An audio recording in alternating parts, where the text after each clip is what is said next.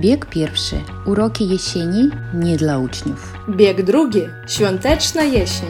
Bieg trzeci. Kiedy wrzesień, to już jesień. Bieg czwarty. Jesień na poetycko. Uwaga, uwaga, wнимание, wнимание, дорогие наши слушатели. Ten odcinek został nakręcony w sierpniu, a teraz mamy wrzesień. Этот выпуск мы записали в августе, но сейчас уже сентябрь. Так получилось, что я поехала в Калининград. Так вышло, że ja pojechałam do Kaliningradu. I my потом z Катей просто решили записать выпуск сразу про Kaliningrad. Stwierdziłyśmy z Kasią, że chcemy nagrać odcinek od razu, który będzie o naszym mieście, o Kaliningradzie. Поэтому разговор, который вы сейчас услышите, он будет о моей предстоящей поездке домой, ну и о погоде, которая уже не такая, как сейчас.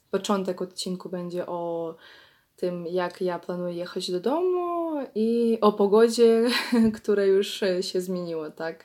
No dobra, to trzymajcie się i mi miłego słuchania.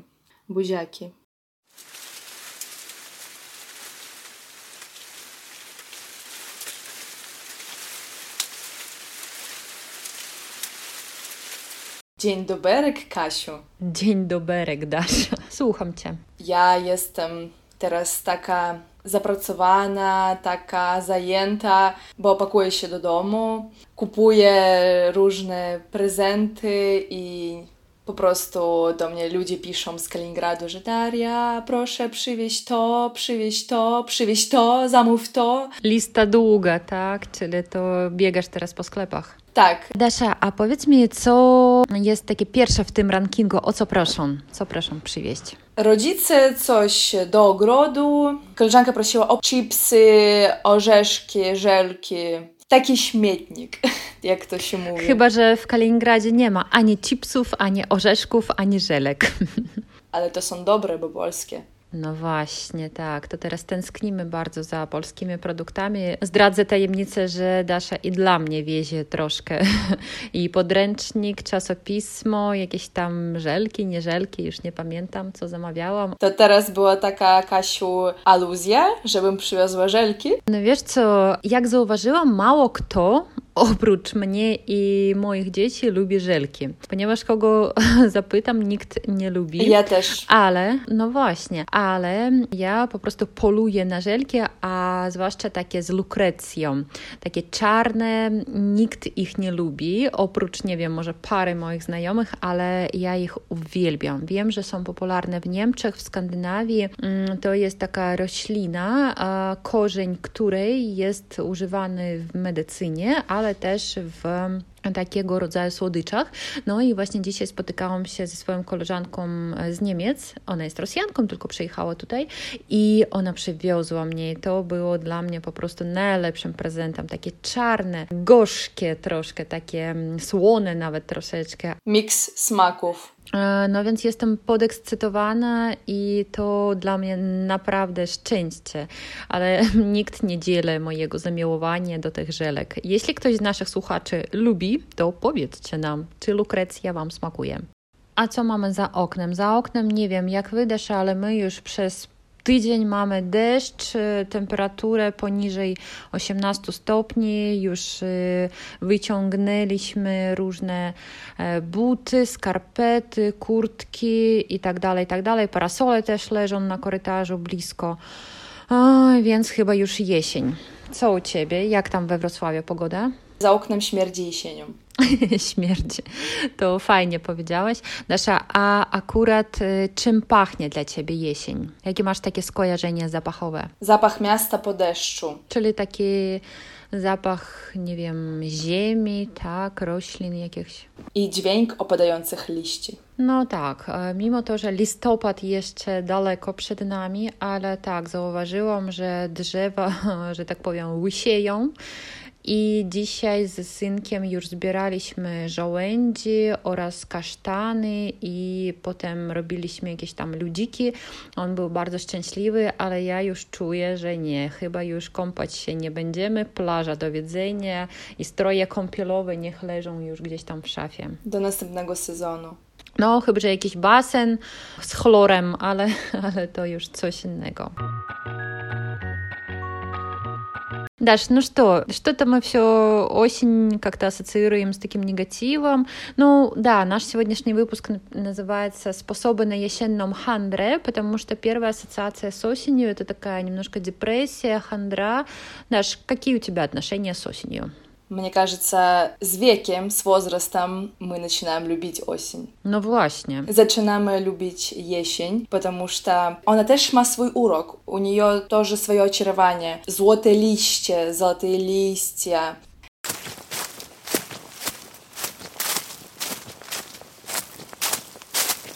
Kasiu, jakie masz relacje z jesienią? Jakie u Ciebie отношения z осенью? Ostatnio, chyba 2-3 lata, to jesień była wyjątkowo piękna w Kaliningradzie. То есть последние 2-3 года осень была исключительно красивая в Калининграде, солнечная, сухая, теплая, вот та самая злота, як mówią, злота польская jesień, да, также мы можем сказать злота российская jesień.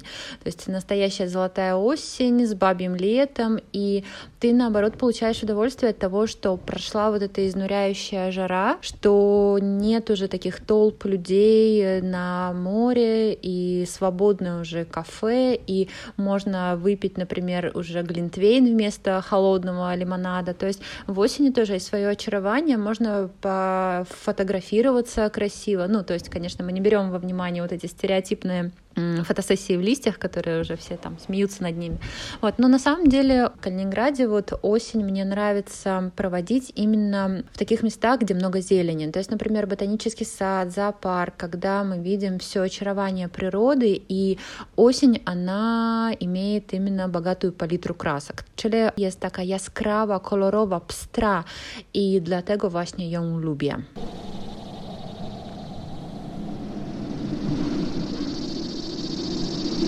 Нелюбовь к осени закладывается с детства, потому что в это время заканчиваются летние каникулы и начинается что? Школа. Зачина ще рок школьный. Катя, так как ты преподаватель, то для тебя 1 сентября — это тоже мысли о работе, sprawdziany, nauka. No wiesz co, to tak, zgadzam się z tym, że wakacje dla mnie ciągle zostawały. То есть я до сих пор не понимаю тех людей, которые летом в жару работают, потому что у меня каникулы — это всегда каникулы. Ну, то есть, конечно, у меня были и какие-то летние группы, и, например, курс интенсива летнего, но все равно это такой уже идет более расслабленный режим, такие трип вылузованный рачей, э, потому что и школьники, как правило, с большей мотивацией, с большими силами приходят на занятия, ну, если только не родители их туда отправили, они вообще не хотели этим ничем заниматься, но получается, что в прошлом году 1 сентября, наоборот, было для меня отправной точкой такой новой жизни, потому что 1 сентября прошлого года я ушла в декрет. А дистанционно я немножечко работала, вот прям до дня рождения практически своей дочки, до конца октября. Но все лето, да, прошлое я отработала, но 1 сентября, наоборот, я ждала, потому что это для меня был почонтек урлопу мачеженискего, да, начало такого материнского декретного отпуска но при этом осень всегда я воспринимала как такой чистый лист, как новую тетрадь. Вот когда мы заводим в школе с новой обложкой, когда там еще нет никаких помарок, ошибок, оценок. Вот для меня осень все равно какое-то начало такой немножко новой жизни, нового этапа. Даша, co zaplanowałaś na tę jesień? Jakie już masz plany takie na najbliższy czas? Для меня это уже вторая осень, когда мне не нужно идти в университет. Ja temu очень. Cieszę się bardzo z tego powodu, потому что не muszę się uczyć do kolokwiów, мне не нужно готовиться к коллоквиумам, сидеть на wykładach, siedzieć na lekcjach, przejmować się, jaką ocenę dostałam, переживать, какую оценку я получила. Но нет, я очень с большим теплом вспоминаю студенческие годы. З miłością sobie przypominam o latach studenckich. No, dla mnie этот etap w жизни завершен. Dla mnie ten etap już jest skończony w życiu. Ale Dasza, nigdy nie mów nigdy. Nie zdziwię się, że za parę lat znów wymyślisz sobie jakiś nowy zawód i pójdziesz, studia. nie wiem, uczyć się na kucharza jakiegoś tam. Na przykład, tak, tak. No ale to raczej wtedy będzie kurs, a nie studia pięcioletnie. Это уже будет, скорее всего, курс, а не пятилетняя учеба. Я сейчас работаю, teraz pracuję, jestem zadowolona, очень этому рада. И życie się toczy tak, jak trzeba. Жизнь идет так, как нужно. Ale zeszłego razu mówiłeś o kampanii wrześniowej, to есть в прошлый раз ты говорила о таком понятии, как кампания врześniowa. Это как сентябрьская кампания, но тут тоже такая языковая игра, потому что речь идет, с одной стороны, о новобранцах, которые идут в армию, а, не знаю, сейчас ли такая традиция вообще в Польше есть или нет, потому что армия уже контрактная. Вот. И для учеников, ну, для студентов, да, это лишь сентябрь для, для отличников, это время, когда еще можно отдохнуть. А те ребята, кому нужно сдавать пересдачи, они в сентябре что-то, я думаю, панически учат. Даш, как это вообще выглядит, расскажи. Jeśli wy nie zdali egzamin w iunie, jeżeli nie zdaliście egzaminu w czerwcu, to wita was kampania wrześniowa. Вас приветствует пересдача в сентябре. Даже в учебном календаре выделяются неделя или несколько дней для того, чтобы вы пересдали экзамены. То так званый другий термин — пересдача. Вторая попытка сдать экзамен. Про учебу в вузах мы поговорим чуть позже, когда начнется учебный год в университетах. Это тоже будет интересный выпуск, но сейчас мы поговорим все-таки немножечко про другие моменты. Даша, а что вообще в Польше происходит в сентябре? Чем поляки любят заниматься в это время года? Niektórzy lubią brać urlop i wyjeżdżać do ciepłych krajów. Некоторые поляки уходят в отпуск и летят в теплые страны, потому что это как раз низкий сезон, например, для Турции, которым тоже поляcy uwielbiają, которую тоже поляки очень любят. Еще mamy Хэллоуин, осенью. Хэллоуин, да, он не празднуется прям так, как в Америке, но 31 октября организовываются импрезы, вечеринки в честь Хэллоуина в клубах.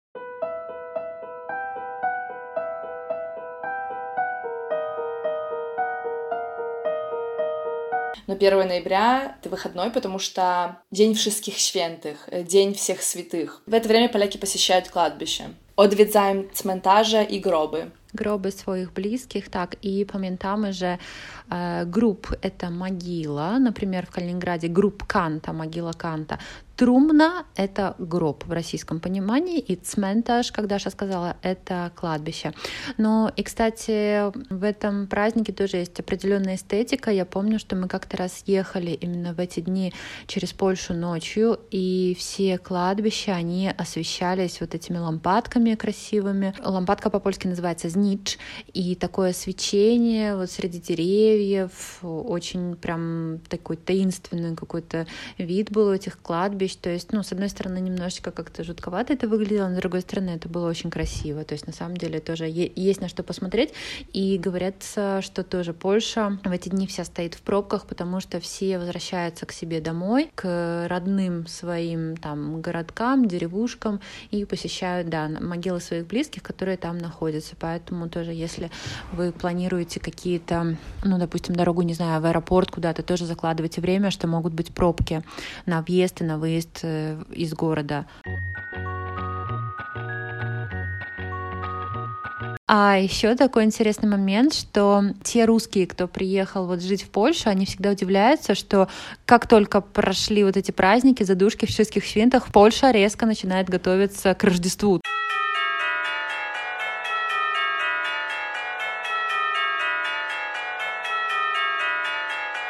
То есть буквально там через неделю уже все витрины в елочках, в Дедах Морозах. Даш, это правда? Так, то правда. Во второй половине ноября уже в магазинах вы можете встретить оздобы świąteczne, праздничные декорации, хоинки, елочки łańcuchy świecące, гирлянды и так далее. В то же время ярмарки начинают организовываться уже в Польше. Причем забавно и парадоксально, что еще в это время может быть зеленая трава, еще какие-то там цветы на клумбах, а при этом уже как-то уже направление взяли поляки на Рождество. Но, как мы уже говорили в одном из выпусков, что сейчас большинство праздников это все равно коммерция. То есть все делается для того, чтобы люди покупали, покупали, покупали, и чтобы уже о подарках на Рождество, на Новый год люди уже задумались в ноябре, уже откладывали деньги и закупались. Вот, поэтому, естественно, уже и витрины, и кафе, все уже вот направлено на эту тематику.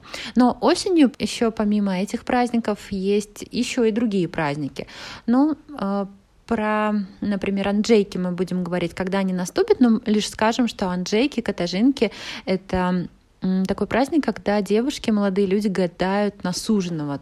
Получается, это сейчас уже ну, не носит такого ритуального характера, но все равно традиция соблюдается э, часто уже больше как просто развлечение и всякими способами, и воском, и сапогами, об этом мы расскажем как-нибудь, а, гадают, кто же будет э, твоим будущим женихом или невестой. Даш, какие еще праздники осенью? Dzień chłopaka 30 września. 30 сентября День парня, если дословно перевести. Это тоже, как Катя сказала, коммерция. Очень часто делают разные Промоцje, skitki w magazynach, reklamy, zachęty. Kup coś swojemu chłopakowi, kupi что-нибудь своему молодому человеку. Этот день не является выходным, ale dziewczyny mogą zabrać swoich chłopaków на kolację на przykład. Девушки могут пригласить парней на романтический ужин. Czyli każdy może popisać się swoimi umiejętnościami, kto jak gotuje, kto jak, nie wiem, tańczy i tak dalej, i tak dalej, tak? No, если кому-то мало Дня Святого Валентина, Валентинок, то тогда запрашamy на День хлопака. День научителя, День учителя, о котором мы тоже говорили в выпуске о школе. Даш, мы совсем забыли сказать про название месяцев по-польски осенних. Как показывает моя преподавательская практика, сложнее всего приходится ребятам с месяцами сентябрь-октябрь. И в плане фонетики, в плане написания, в плане запоминания. Ну, то есть, понятно, какой-нибудь май, мажец, они прозрачную имеют этимологию, а вот, например, вжещень Паздерник — это сначала еще нужно научиться читать, потому что там куча согласных подряд, а при этом, ну и с фонетикой тоже кто-то может испытывать сложности. Даш, ты знала, почему вжещень называется вжещень? Не знала, не widziałam. To może Kasiu opowiesz nam? Название «вжесень», оно имеет очень красивые корни. Это название цветка вжос. По-польски называется вжос, по-русски это называется вереск. И он, ну, наверняка вы его видели на украшениях, допустим, кафе каких-то, на подоконниках магазинов. Он сейчас стал популярный. Вереск — это такие фиолетовые, розовые, лиловые цветочки мелкие на стебельках, и их многие высаживают на балконе. Ну, то есть они терпимы к осенним таким прохладным температурам, поэтому вжос и вжещень — это слова однокоренные. Теперь, когда вы увидите это растение, будете знать, что именно сентябрь по-польски благодарит за название вот это растение. Следующий наш месяц — это паздерник, октябрь. Тут этимология такая сельскохозяйственная, славянская, и слово паздерник произошло от слова паздеже, и окресу менделения льну и конопи. Ну, тут нам немножечко сложно будет э, с переводом, потому что у нас нет сейчас этих реалий. Когда мололи лен и коноплю, растения, которые использовались в сельском хозяйстве, у поляков и у нас тоже, и для изготовления тканей, например, от них оставалась, ну, как бы шелуха, отходы, вот они именно назывались паждежи, то есть отпадки с tego процессу менделения льну и конопи конопи.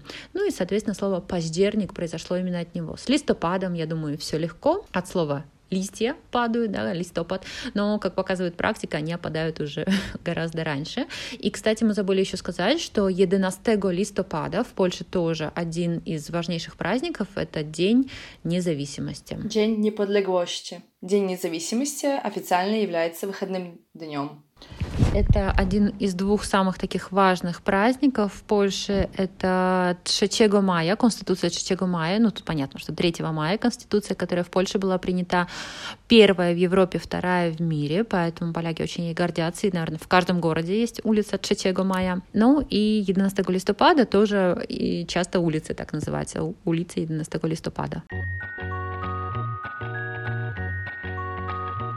Вообще, почему осенью в сентябре, как правило, были свадьбы у славян, да, потому что это самая плодородная пора, и урожай по-польски называется плоны, И тогда собирали зерно, фрукты, овощи, и, ну, понятно, что и до сих пор дошли до нас эти овощные изобилия. И, Даш, что осенью ты любишь готовить и какие фрукты, овощи ты любишь осенью покупать? Z owoców i z fruktów winogrona i jeszcze lepiej bezpestkowe Виноград еще лучше без косточек. И тут тоже немножечко секундочка грамматики, потому что виногроно — это одна виноградинка, а виногрона, виноград — это уже слово множественного числа, поэтому мы уже говорим, например, смачне виногрона albo фиолетовое виногрона. Ну и если вы хотите в магазине попросить кисть винограда, то по-польску так само — кисть виногрон конечно же, ябка, это в множественном числе яблоки,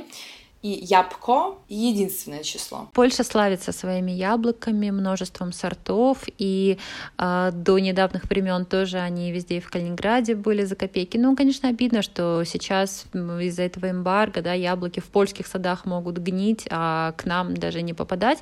И Польша яблоками реально кормит всю Европу. По статистике польские яблоки, но они занимают прям высокий процент в производстве фруктов во всей Европе, но до сих пор у нас продается яблоко яблычные польские соки, и там и z miąższem, i z miakociu, i przezroczyste różne, из różnych gatunków, из разных сортов яблок, и поэтому ну, стоит, конечно, в Польше именно попробовать груши, яблоки, все вот эти осенние сорта и насытиться витаминами на всю оставшуюся зиму и осень. Кать, а что мы можем приготовить, кроме сока? Из овощей или фруктów. No, jeśli mówimy już o jabłkach, to chyba najbardziej tradycyjne ciasto to szarlotka. Да? Как в России, так и в Польше самый легкий традиционный пирог, наверное, с которого девочки начинают свои мальчики, может, кто-то тоже любит готовить кулинарную карьеру, это szarlotka, пирог, который всегда получается. Также różnego rodzaju dżemy, ciasta, no nie wiem, jakieś powidła, które które mogą być przygotowane z jabłek też. Gęś nadziewana jabłkami, гусь начиненный яблоками, качка с яблоками, то есть с птицей очень хорошо сочетаются яблоки. И, кстати, увага też, że gęś по polsku to ona, да, то есть гусь — это как бы она, гусыня. И я помню, что когда мы учились в университете, очень смеялись с подружкой, что э, генч надевана на головы, потому что как будто бы гусь надевается на что-то, а на самом деле надевана — это начиненный.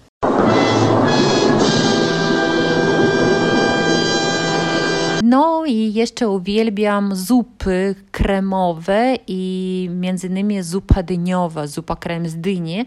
Тоже для меня это, наверное, прям знак осени, когда в кафе, в ресторанах появляется суп-пюре из тыквы с тыквенными семечками, с пестками дыни они, помимо того, что очень вкусные эти супы, ну, на мой вкус, smakują mi bardzo.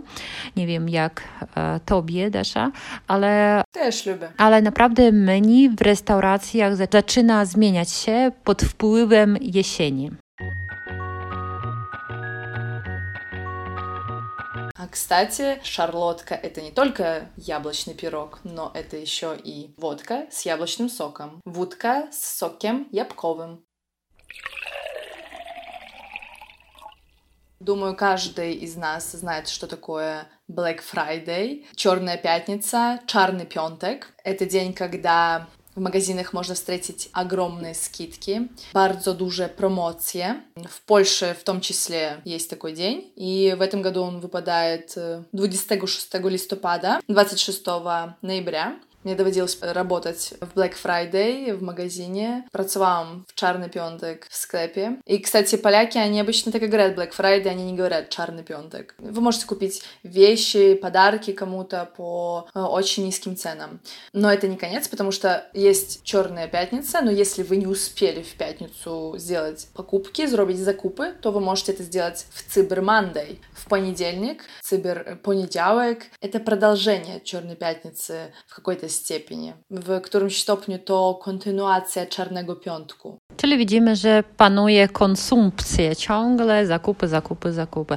Teraz chyba już online, tak też? Tak, online też. No, wydaje mi się, że to nie jest przypadkowo, że Black Friday akurat jest jesienią, bo wiemy, że shopping, zakupy to jest dobry sposób na takie odstresowanie, na relaks i właśnie o tym też chciałyśmy porozmawiać.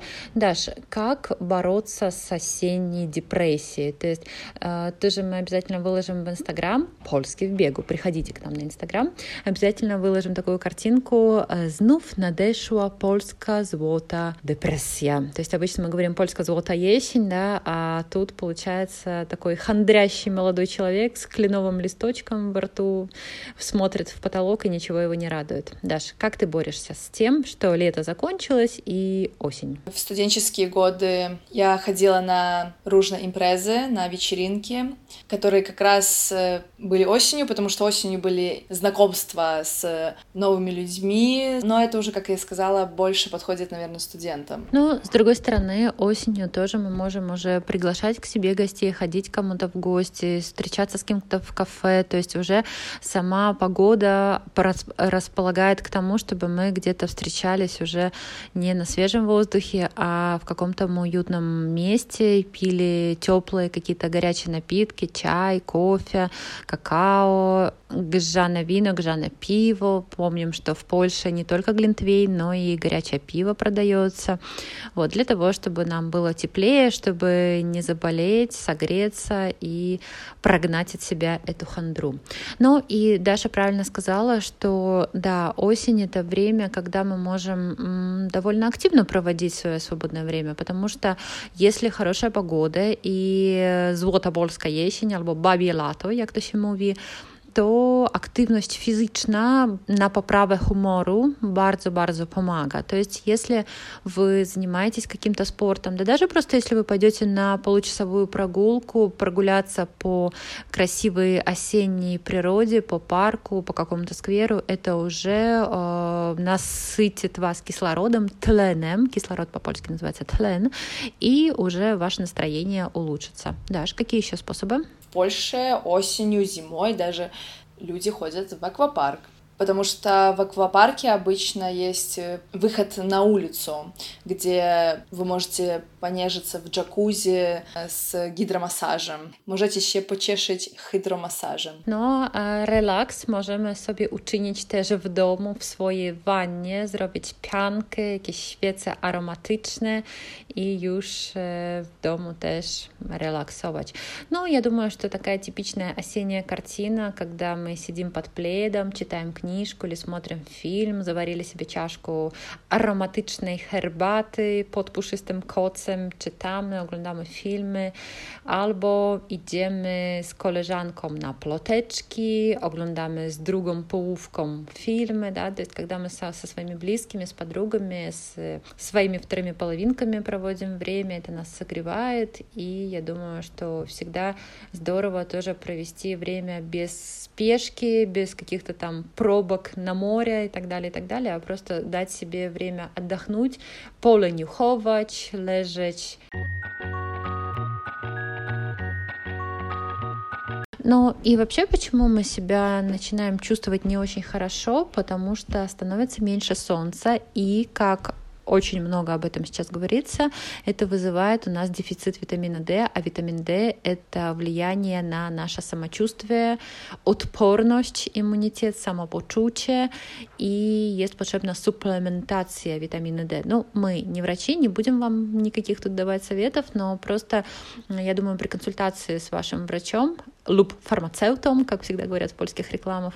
А, витамин D обязательно нужно принимать, в том числе и летом, э, в нашем климате, в нашей зоне климатической, поэтому нужно обязательно увеличить и дозировки витамина D для того, чтобы мы чувствовали себя так же бодро, как и летом. И по-польски стоит сказать, что суплемент — это как БАДы по-русски, да, то есть это такие добавки в пищу, ну как бы это не лекарства, а именно какие-то такие дополнительные субстанции, витамины, микроэлементы, которые могут вам помочь. Ну и даже мы нашли информацию, что в Польше витамин D продаются в спрею, в желках, то есть как хотите. Ну и не будем забывать, что осень, наверное, самая такая творческая пора для поэтов, для писателей. Я думаю, что нет ни одного поэта, у которого не было бы стихотворения о осени. И Пушкин, мы знаем, что очень любил осень. И а, если вы напишете верши о Есени, вы увидите, что ну, практически каждый польский поэт сочинил какое-то стихотворение об осени. И я вчера их несколько почитала, они в основном все какие-то какие-то грустные. Осень такая метафора ухода из жизни, смерти, там птицы улетают на юг, вот, какие-то они все грустные. Но э, позволю себе прочитать пару строк из стихотворения Марии Павликовskiej-Jasnorzewskiej, который называется «Liście jesienne». Liście jesienne leżą po brzegach dróg, mieniąc się jedną połową tęczy. Wyglądają jak rozsypane róże wszelkich barw. W stawie drżą złote plamy. Rząd drzew odbije się w nim różnie. Wierzba mgłą siwą, czerwona leszczyna skrzydłem motyla, то поле темными колумнами. Ну, я думаю, а, все представили себе вот эту картину, когда ты видишь какой-то золотой лес со всеми оттенками золота, меди, который отражается в зеркале какого-то озера, либо реки, и мы просто хотим запечатлеть эту красивую осень для того, чтобы тоже ей насладиться. Даш, есть ли у тебя какие-то поэтические настроения по поводу осени? Она тебя вдохновляет на что-то?